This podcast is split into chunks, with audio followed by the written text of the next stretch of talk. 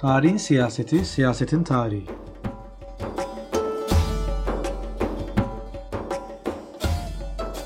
Dokuzuncu bölüm. Covid-19 deneyimi ışığında tarihteki salgın hastalıkları yeniden düşünmek.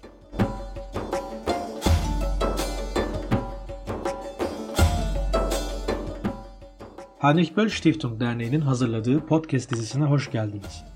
Dizimizin bu bölümünde salgın hastalıklar tarihçiliğinin COVID-19 salgını deneyimiyle ne gibi dönüşümlere gebe olduğunu ve bu dönüşümlerin tarih-siyaset ilişkisini nasıl etkileyeceğini konuşuyoruz. Konuğumuz Rutgers Üniversitesi Tarih Bölümü öğretim üyesi Doçent Doktor Nüket Varlık. Nüket Hocam merhaba, hoş geldiniz. Hoş bulduk.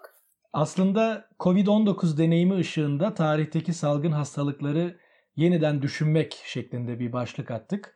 Herhalde tarihteki salgın hastalıkları yeniden düşünmek şeklindeki bir başlığı ne zaman atarsak atalım enteresan olurdu böyle bir podcast serisinde. Fakat e, Covid-19 deneyimini bizzat e, yaşadığımız bu günlerde herhalde bu daha da enteresan. Siz özellikle hastalığı bizzat yaşayan biri olarak ne dersiniz? Evet yani salgının neredeyse tüm boyutlarıyla yaşadım ya da deneyimledim gibi e, diyebilirim. Yani hem e, virüsle tanışma anlamında hem tarihsel olarak tabii e, çalışmaları yani hem hem geçmişten gelen çalışmalar hem de bugün şu anda tekrar e, bu konunun tarihsel olarak tekrar e, ele alınması ve yeniden değerlendirmesi açısından ama aynı zamanda bir yandan da biyomedikal çalışmaların e, da bu konu üzerinde geliştiğini görüyoruz. Onları da takip ediyoruz ve tabii ki siyasi tartışmalar da bununla birlikte gidiyor. Dünyanın her tarafından. E, dolayısıyla çok boyutlu bir tartışma ve çok boyutlu bir e, deneyim hepimiz için. E, tabii işin duygusal tarafı da var. Yani e, korkularımız, kaygılarımız, sevdiğimiz insanları, tanıdıklarımız, aile üyelerimizin hastalanması ya da kimi zaman bu bireylerin kaybını yaşıyoruz. Dolayısıyla hani bir toplumsal travma boyutu da var. Yani çok boyutlu bir deneyim. Şimdi onun farklı boyutlarını değerlendirmeye çalışalım beraber. Gayet iyi hocam. Bunu yapmaya çalışacağımız bu yayında ilk sormak istediğim soru belki de ilk defa toplumlarda da bu salgın hastalıklar tarihi ilk defa bu kadar dikkat çekici bir noktaya ulaştı. Sadece toplumlarda değil biraz politika yapıcılar seviyesinde de belki de kamuoyu ilk defa bugünü bu kadar ilgilendiren bir konuda tarihçilerin ne diyeceğini bu denli önemsedi. Belki de ilk defa. Yani pandemiyle mücadele ettiğimiz bu günlerde sizce tarih ya da tarihsel bilgi neden bu kadar önemsendi? Ee, önemsenmek zorunda ve önemsendiğini görmekte tabii yani bir tarihçi olarak bir salgın tarihçisi olarak e, kendi açımdan konuşursam e, memnun edici bir gelişme. Şöyle ki şu andaki bilgi hazinemizde bu salgını karşılaştırabileceğimiz bir bilgi örneği, sistematik bir bilgi e, ya da bilimsel bir gerçeklik yok. Yani tamam bir takım modelleme çalışmaları yapılıyor örneğin salgının ne kadar hızlı yayılabileceği ile ilgili bir takım çalışmalar yapıldı. Sonra salgının e, ne kadar hızlı ilerleyeceğini, ne kadar kaç kişiyi öldüreceği e, ile ilgili tahminler, modellemeler. Şimdi de hatta salgının ne kadar daha sürebileceği, ne kadar çok e, kaç kaç insanın enfekte olabileceği ya da kaç bireyin bundan hayatını kaybedebileceği ile ilgili e, modellemeler yapılıyor. Tamam bu bir çalışma alanı. Bu bize bir şey öğretiyor. Ne olabileceğiyle ilgili bir fikir veriyor. Ama daha önceden yaşanmış örnekleri e, incelemek gerçekten de önem kazandı. Çünkü hani modelleme çalışmalarının bir adım bir adım ötesine gitmek isterseniz, bunun daha önceden nasıl deneyimlendiğini görmek isterseniz tarihten başka bakabileceğiniz bir yer yok. Dolayısıyla tarihsel bilgi önemli ama bir yandan da şunu hatırlayalım. Yani şu anda dünyada e, yaşayan bireyler arasında buna benzer ya da bu ölçekte bir salgını hatırlayabilecek insan sayısı yüzde ondan az. Yani e, şöyle bir basit bir hesaplama yaparsak yani 1957-58 yıllarındaki Asya gribi ya da 1968-69 yıllarındaki Hong Kong gribi diye adlandırılan salgınlara bakarsanız onlar da yaklaşık en azından birer milyonun e, insanın hayatını kaybettiği salgınlar olmuştu. Fakat bu salgınları şu anda dünya üzerinde hatırlayabilecek birey sayısı dünya nüfusunun %10'undan daha azı. Dolayısıyla yaşanan hafızada karşılaştırılabilir bir bilgimiz yok. Bunun için tarihe dönüyoruz zaten. Karşılaştırabileceğimiz bir bilgi birikimimiz olmadığı için tarihe dönüyoruz. Yani salgının başından beri izledik hepimiz. Ee, özellikle 1918-1920 influenza pandemisi, İspanyol gribi olarak da bilinen İspanyol e, e, influenza pandemisi özellikle çokça gündeme geldi. Yani bu salgını karşılaştırabileceğimiz bir e, tarihsel model olarak. Ama tabii diğer salgınlar da konuşuldu. Bir yandan tarihsel salgınlar bizim bu salgını anlamamıza nasıl yardım eder ya da eder eder mi? Yani bu soruları üzerine sorular üzerine yani ben de e, epeyce epeyce kafa yordum bu sorular üzerine diğer tarihçi meslektaşlar gibi. Fakat şeyde de bir sorun var tabii. Yani bir tarihçinin bu sorunları düşünmesiyle kamuoyunun beklentilerine cevap verebilmek farklı şeyler. Yani kamuoyunun beklentilerine cevap vermek derken orada daha farklı sorular gündeme geliyor. Mesela işte tarihten nasıl ders çıkarabiliriz gibi bir soru gündeme geliyor. Bu da demek ki yani biz geçmiş pandemilerde olan yaşanmış olan şeyleri alıp bugüne mi uygulamaya çalışacağız? Tabii yani bir tarihçi olarak hani benim burada çekincelerim var. E, eminim diğer meslektaşlar da aynı şekilde hissediyordur. Yani geçmişteki pandemiyi gene o kendi tarihsel çerçevesi içinde değerlendirmek e, önemli. Bugünün pandemisini gene kendi tarihsel çerçevesi içinde e, değerlendirmek önemli. Kaldı ki yani geçmişten ders çıkarmak e, değil amaç burada. Çünkü yani zaten bu pandemiye e, karşısında nasıl tepkiler vermemiz, ne tedbirler almamız gerektiğini zaten biliyoruz. Yani orada hiçbir sıkıntı yok. Salgınla ilgili biyomedikal araştırmalar da gün geçtikçe çoğalıyor. Yani şimdi bundan 5-6 ay öncesiyle karşılaştırırsak salgınla ilgili çok daha ya da en azından virüsle ilgili çok daha e, iyi bilgimiz var. Hastalıkla ilgili bilgimiz çok daha etraflıca e, anlatıldı ve dolayısıyla hani maske takmamız gerektiğini, sosyal mesafe, işte hijyene, el yıkama vesaire ya da bunun dışında işte nasıl e, test yapılmasının önemli olduğu, bulaşık bireylerle ilişki içine girmiş e, bireylerin takip edilmesi e, vesaire. Yani dolayısıyla ne yapmamız gerektiğini gayet iyi biliyoruz. Ne yapmamamız gerektiğini de biliyoruz. Dolayısıyla hani bunları anlamak için tarih bize yardımcı olacak olan model değil. Ama tarihsel bilginin neden önemli olduğu sorusunu tabii tekrar yeniden e, düşünmemiz ve değerlendirmemiz lazım. Siz bu konuda hocam çok düşündünüz. Son zamanlarda makaleleriniz de yayınlandı. E, bizzat belki hastalığı yaşarken ya da e, henüz iyileşmiş e, bir durumdayken bu konuda kafa yorup makale yazmaya başladınız. E, ben de bu makaleleri okuduğumda aklıma gelen sorulardan bir tanesi buydu. Yani şu anda e, tarihe yönelişin bize gösterdiği bu çabaları yani geçmişi e, kullanarak bir bakıma bugünü anlamak, anlamlandırma çabaları. Sizce ne kadar anlamlı bu çabalar? Yani mümkün mü geçmişi kullanarak bugünü anlamak, anlamlandırmak? Ve siz belki bizzat bunu e, de, e, yaptınız. Başarabildiniz mi? Yani başarabildim mi tabii onun soru cevabını ben veremem ama en azından deniyorum diyebilirim. Şunu söylemek lazım. Yani burada şu anda bizim yapmaya çalıştığımız süreci de tarihsel çerçeve içine koyalım. Hadi mesela biz şu anda bir pandemi sırasında geçmiş pandemileri yeniden düşünen bireyleriz. Tarihçiler ya da e, tarih okuyucuları olarak diyelim. Fakat bu geçmişteki pandemilerde de bu şekilde yaşandı. Yani 20. yüzyılın başındaki enfluenza pandemisine baktığınız zaman o dönemde yine daha önceki salgınlarla ilgili yazılan kitaplar mesela yeniden basılıyor, değerlendiriliyor, çevriliyor, okunuyor, tartışılıyor. Ya da daha öncesine giderseniz örneğin 1720'lerdeki e, Marsilya vebasına bakınız. Yani o zaman da daha ondan önce yazılmış olan veba ya da başka diğer salgın hastalıklar üzerine yazılan kitaplar hep böyle salgınlar döneminde bu bilgiyi artırıcı, e, çoğaltıcı rol oynadığını görüyoruz salgınların. Tabii ki yani bir kaygı var, bilgi eksikliği var ya da yeni bilgiye e, yönelik eğilimler var. Bunların her birini e, tüm salgınlarda zaten görüyoruz ve yani salgınların böyle bir katalizör gibi e, bir etkisi oluyor. Bu bilginin yayılması, dağılması, tekrar yeniden değerlendirilmesi açısından baktığınızda yani bu tarihsel çerçeve içinde değerlendirirsek bugün yaptığımız aslında gayet normal bir şey. Daha önceden ne biliyorduk, ne bilmiyorduk onu düşünüyoruz, değerlendiriyoruz, bakıyoruz, anlamaya çalışıyoruz vesaire. Yani buradaki belki istisnai diyebileceğimiz durum şu ki virüsle ilgili olan bilgimiz, e, onunla ilgili genetik e, çalışmalar, e, işte açı çalışmaları vesaire hani bunlar hiç tarihte şu ana kadar karşılaşılmamış bir hızla ilerliyor. Çok yani inanılmaz bir e, çaba var bu, bu, bu alanda. Dolayısıyla bilgi olarak aslında bu salgınla ilgili bilgimiz gayet e, gitgide hızlanıyor, sağlam.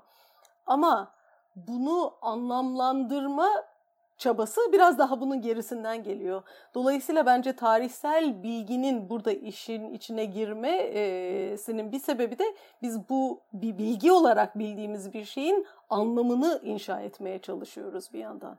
Peki hocam bu geçmişle e, bugün arasındaki ilişki, bu ilişkinin dinamizmi buralara e, tekrardan dönmek istiyorum biraz ilerledikçe ama e, şunu da sorayım. Bu tarz tabii podcastlerde insanlar e, tarihçilerden biraz e, gerçekten e, hardcore tarih bilgisi de e, belki duymak istiyor. E, o bakımdan şunu sorabilirim. Bugünkü e, pandemi deneyimimize baktığımız zaman bir de tarihteki pandemi deneyimleri arasında şöyle bir karşılaştırma yaptığınız zaman dikkatinizi çeken bir takım benzerlikler ya da farklılıklar var mı?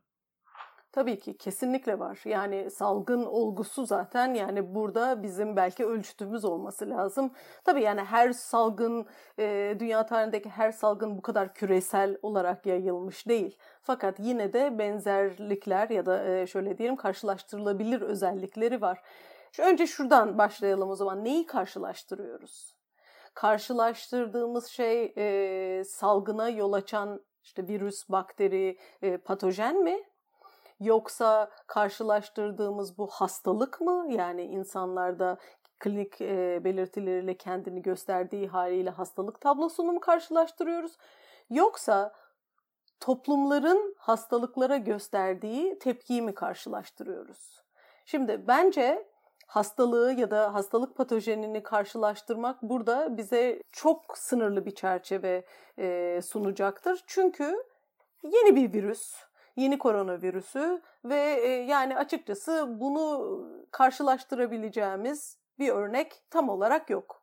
Ama toplumların hastalıklara, salgınlara verdiği tepkiyi karşılaştıracak olursak tabii ki birçok örnek işin içine giriyor. Şimdi e, biraz önce de sözünü ettim.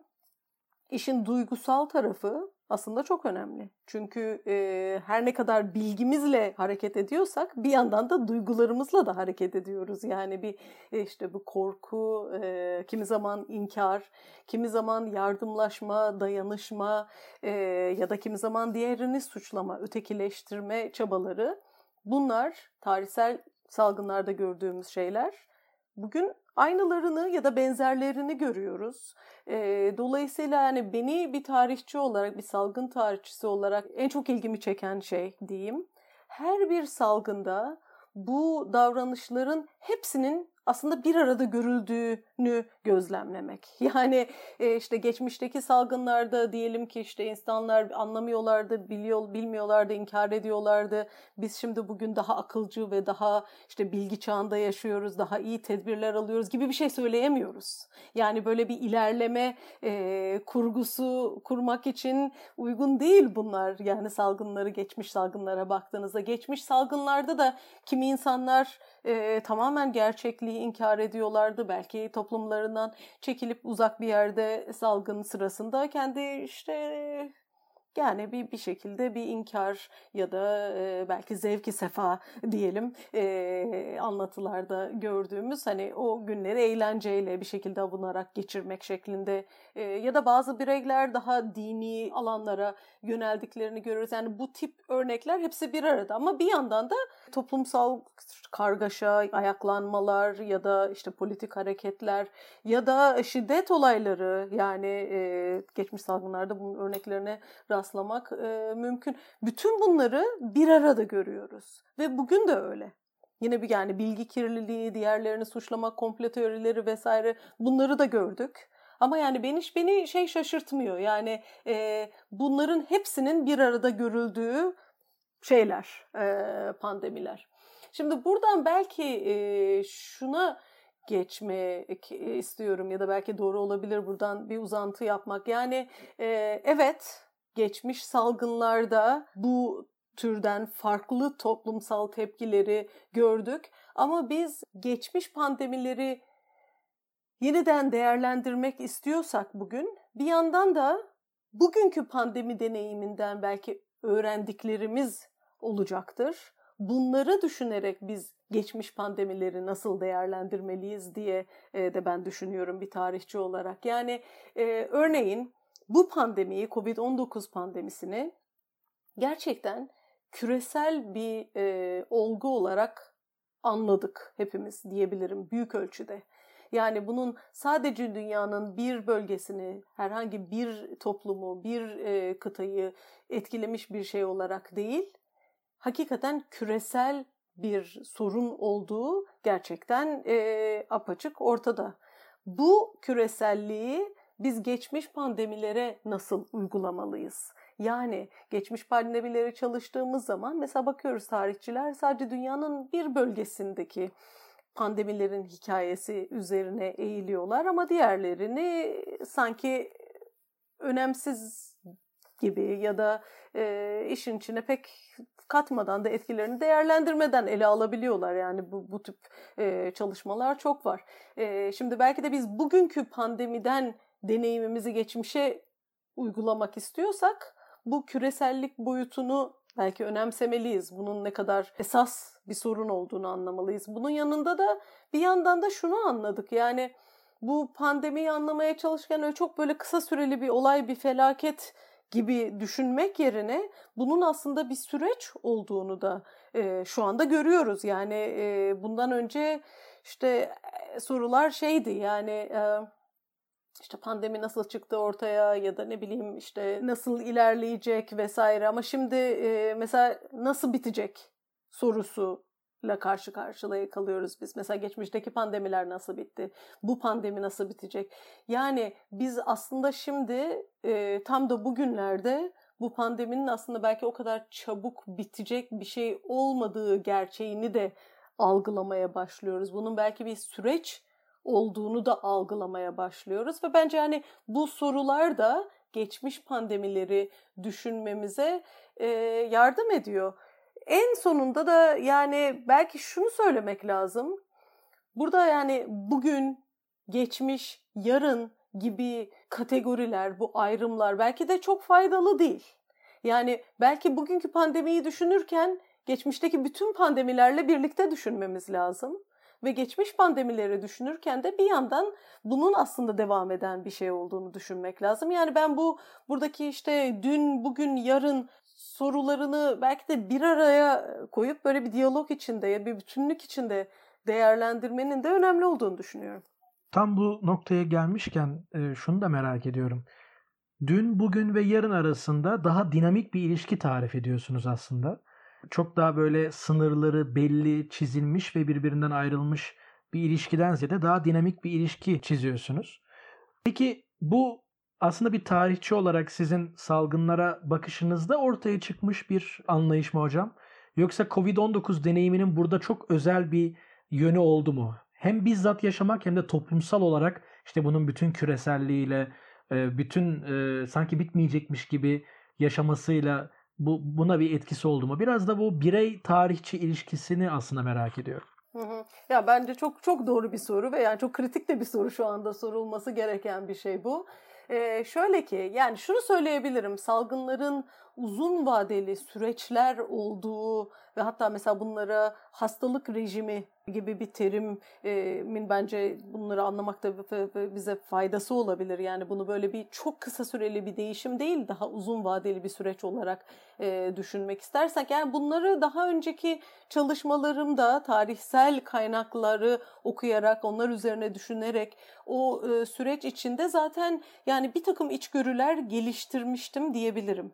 Fakat hakikaten bu salgını yaşamak, bunu deneyimlemek bambaşka bir dönüştürücü etki yarattı ve yaratacak e, eminim. Çünkü 24 saat dersteyim gibi hissediyorum. Yani haberleri okuduğumda ya da işte bu salgınla ilgili herhangi bir şey okuduğumda hatta bazen yani öğrencilerimin e, bununla ilgili yazdıklarını okuduğumda bile çünkü farklı kişisel deneyimleri öğrenmiş oluyoruz bu vesileyle. Her konuştuğumuz insandan, her duyduğumuz her bir bilgi parçası aslında bu salgının böyle bir bütünüyle anlaşılması için ben en azından bir tarihçi olarak bana faydası olduğunu düşünüyorum. Dolayısıyla yani tabii ki bu deneyim çok yoğun bir şekilde bütün bu soruları tekrar gündeme getirdi ve tekrar düşünmeye yardım etti. Dolayısıyla yani bunu bizzat yaşamak evet çok önemli. Peki biraz da e, tarihte ve bugün salgının hem toplumsal hem bireysel açıdan nasıl yaşandığını karşılaştırmaya çalışan bir soru sormak istiyorum. Özellikle siz biraz önce salgına verilen tepkileri karşılaştırırken bu konudaki benzerlikleri, farklılıkları e, söylerken işte inkar, panik ve işte böyle başkalarını suçlama ya da e, bütün bu olayları bir komplo gibi görme eğilimlerine işaret ettiniz. Aslında tarihte de belki çok eleştirilen bir şey insanların insanlığın e, yani tarihi çok ilerlemeci okumak ve sürekli gelişme üzerinden belki bir tarih okuması çok yanlış ama bu kadar e, yüzyıl geçtikten sonra halen bu aynı tepkilerin veriliyor olmasının da bir anlamı olması lazım sanırım değil mi? Yani bazı konularda tırnak içinde hiç gelişmiyor ya da değişmiyor muyuz acaba? Bu soru e, sizin aklınıza hiç e, geldi mi ya da bunun hakkında düşündünüz mü bütün bu diğer sorularla birlikte hocam? güzel güzel bir soru. Yani e, değişiyor. Tabii ki değişiyor. İçerik değişiyor. E, sonuçta bilgi değişiyor e, tedbirler değişiyor. Ama çok boyutluluk, çok seslilik, çok farklı tepkilerin bir arada görülmesi o değişmiyor. Neden? Çünkü yani burada eğer e, salgının ya salgın sadece bir virüsten ibaret değilse ki değil. Yani virüsü takip etmek, bizi salgını takip etmekle ilgili ya bir bilgi veriyor ama bütün tabloyu göstermiyor. Yani bir pandemi bir virüsün çok ötesinde bir şey. Çünkü toplum söz konusu ve çok farklı toplumlar yani bütün dünya toplumların neredeyse e, işin içine girince yani tabii ki her toplumda e, farklı etnik kökenler, e, işte e, farklı milletler, sınıf, ırk, cinsiyet farklılıkları yani bütün bu toplumu oluşturan bireyleri kişilerin farklı kimliklerinin de farklı renkleri ve farklı sesleri işin içine girince tabii ki bireyler farklı tepkiler veriyor. Ve toplum içinde de bu farklı tepkileri görüyoruz. Yani bu aynı kalıyor bence. Ama içerik tabii ki değişiyor. Bir de hocam burada e, dikkati çeken bir başka konu da şu benim açımdan. Siz mesela bir salgın tarihçisi olarak tarihteki salgınları incelediniz, çalıştınız bugüne kadar. E aslında bununla ilgili bir külliyat var elinizde. Bir tarih yazımı var ve sizin de bir tarih okumanız var. Peki e, biraz ilk sorularla bağlantılı olarak şunu sorayım. Şimdi bütün bunları henüz yaşıyorken ve yaşamışken ve belki de yakın zamanda ya da orta vadede diyelim atlattığımız zaman sizin bu tarihteki diğer salgınlara olan bakış açınız değişti. Bunu söylüyorsunuz. Daha farklı baktığınızı. Peki farklı bir tarih yazılacak mı sizce bugünle beraber geçmiş e, salgınlarla ilgili? Yani sadece bakış açısı ya da e, o tarihe olan yaklaşımımızın ötesinde yeni bir tarih, yeni bir kurgu, yeni bir anlatı ortaya çıkacak mı salgınlarla ilgili bu Covid-19 deneyiminden sonra sizce? Çıkacak. Nereye gider, neye benzer onu kestirmek zor. Ee, şöyle ki bu yeni kurgunun oluşması için biraz bu salgının sonunu beklemek lazım diye düşünüyorum. Çünkü salgınların sonları aslında bu kurguları şekillendiriyor. Yani bir, bir salgın bittikten sonra o narratifin şekillenmesini görüyorsunuz ve o bir miras olarak da devam ediyor kendinden sonraki salgınları ve onunla ilgili bilgiyi şekillendirici bir çerçeve olarak. Buna örneği ben işte bu yakın zamanlarda e, salgınların mirası sorusu üzerine yeniden düşünmek için Marsilya vebası üzerinden bunu tekrar değerlendirdim ama yani Osmanlı toplumunun salgınla ilişkilendirilmesini anlamakta Marsili vebasının nasıl bir e, rolü vardı diye. E, orada yani şunu anlıyoruz. Bir bitişi temsil ettiği zaman onun arkasından işte o ilerlemeci e, kurgu çıkıyor. O narratifler e, özellikle hani bu örneğe bakıldığında işte Avrupa toplumunun medeniyet üstünlüğüne dayalı bir fark yarattığı salgın kontrolünde ve aslında e, daha üstün bir medeniyet olduğu için Osmanlı veba ile gerekli mücadeleyi veremezken Avrupa toplumunun verdiğine e, yönelik bu kurgu, ya yani bunun bir kurgu olduğunu tabii altını çizmek lazım. Bu kurgu Marsilya vebasından sonra şekilleniyor. Ama burada salgının bitişine dair bir takım çıkışlar olduğu için o, o çerçevede değerlen. Yani şunu söylemeye çalışıyorum. Covid azaldığı, çekilmeye başladığı ve bitmeye başladığı dönemde aslında bu salgını kimler daha iyi yönettiyse onların merkeze alınacağı yeni bir tarih yazımı söz konusu olabilir. Artık e, bu bölümün biraz sonuna yaklaşıyoruz ama yine bence önemli olan bir soruyu e, sona yaklaşırken sormuş olayım. Bu podcast serimizde özellikle ele aldığımız konu tarihin e, siyasi sayıklarla araçsallaştırılması üzerinden. Ve bugün de aslında bu pandeminin yönetimi ya da yönetilememesi, krizin yönetimi ya da yönetilememesi e, siyasetle tabi doğrudan ilişkili hatta belki de dünyanın genelinde küresel anlamda siyasetin şu an birinci konusu. Acaba tarihte de böyle miydi? Tarihte de ya da bugün e, siyasetçiler ya da siyaset kurumu genel olarak pandemiyi iyi yönettiğini göstermek için ya da bu süreçten yara almamak için kendisi adına tarihi araçsallaştırabilir mi, kullanabilir mi? Tarih burada kullanışlı bir araç mı onlar için sizce? Bunun örneklerini görüyor musunuz hocam?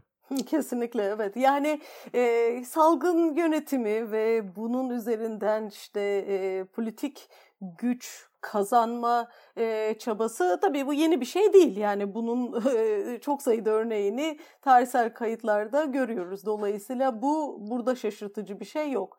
Bu kazanım için tarihsel bilginin kullanılması da aslında çok yeni bir şey değil. Çünkü bunun da örneklerini görüyoruz. Örneklerini görüyoruz ama burada belki şey önemli. Yani o tarihsel bilgi ile nasıl bir ilişki kurulduğu önemli. Yani o tarihsel bilginin örneğin hangi boyutları daha fazla vurgulanıyor, hangi hikayeler daha fazla ön plana çık- çıkıyor. Yani e, neden e, diyelim ki salgınları kimi zaman bir kahramanlık hikayesi gibi okuyabiliyoruz. Yani salgına karşı mücadele verdiğini bildiğimiz bireylerin hayatları üzerinden. Özellikle 19. yüzyıl salgın tarihine baktığınız zaman yani sıradan hastaların ya da hastalıktan hayatını kaybeden bireylerin tarihinden çok işte bu kolonyal e, hekimlerin, sağlık, e, halk sağlığı görevlilerinin hikayelerini okursunuz. Dolayısıyla yani orada da bence yine hep o bilgide bir seçicilik ama her zaman böyle bir şey var.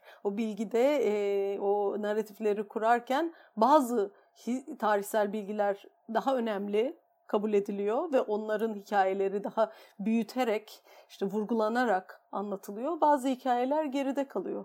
Ama tabii dediğim gibi yani bu bu salgının sonunu beklememiz lazım. Bu kurguların nasıl şekilleneceğini ve tarihsel bilginin nasıl burada kullanılacağını anlamak için. Niket Hocam çok çok teşekkür ediyorum. Sonuna geldik e, bölümümüzün. Ama eklemek istediğiniz bir şey varsa onu da mutlaka almak isteriz. Yani şunu ekleyebiliriz belki. Dünya üzerinde bu türden bir pandemi olacağı ile ilgili yeteri kadar bilgimiz vardı. Bu pandemilerle e, mücadele için yapılması gereken bilgi ve stratejiler de zaten biliniyordu. Ama bir şekilde burada bu bilgiyi politik e, amaçlar için e, inkar etme söz konusuydu.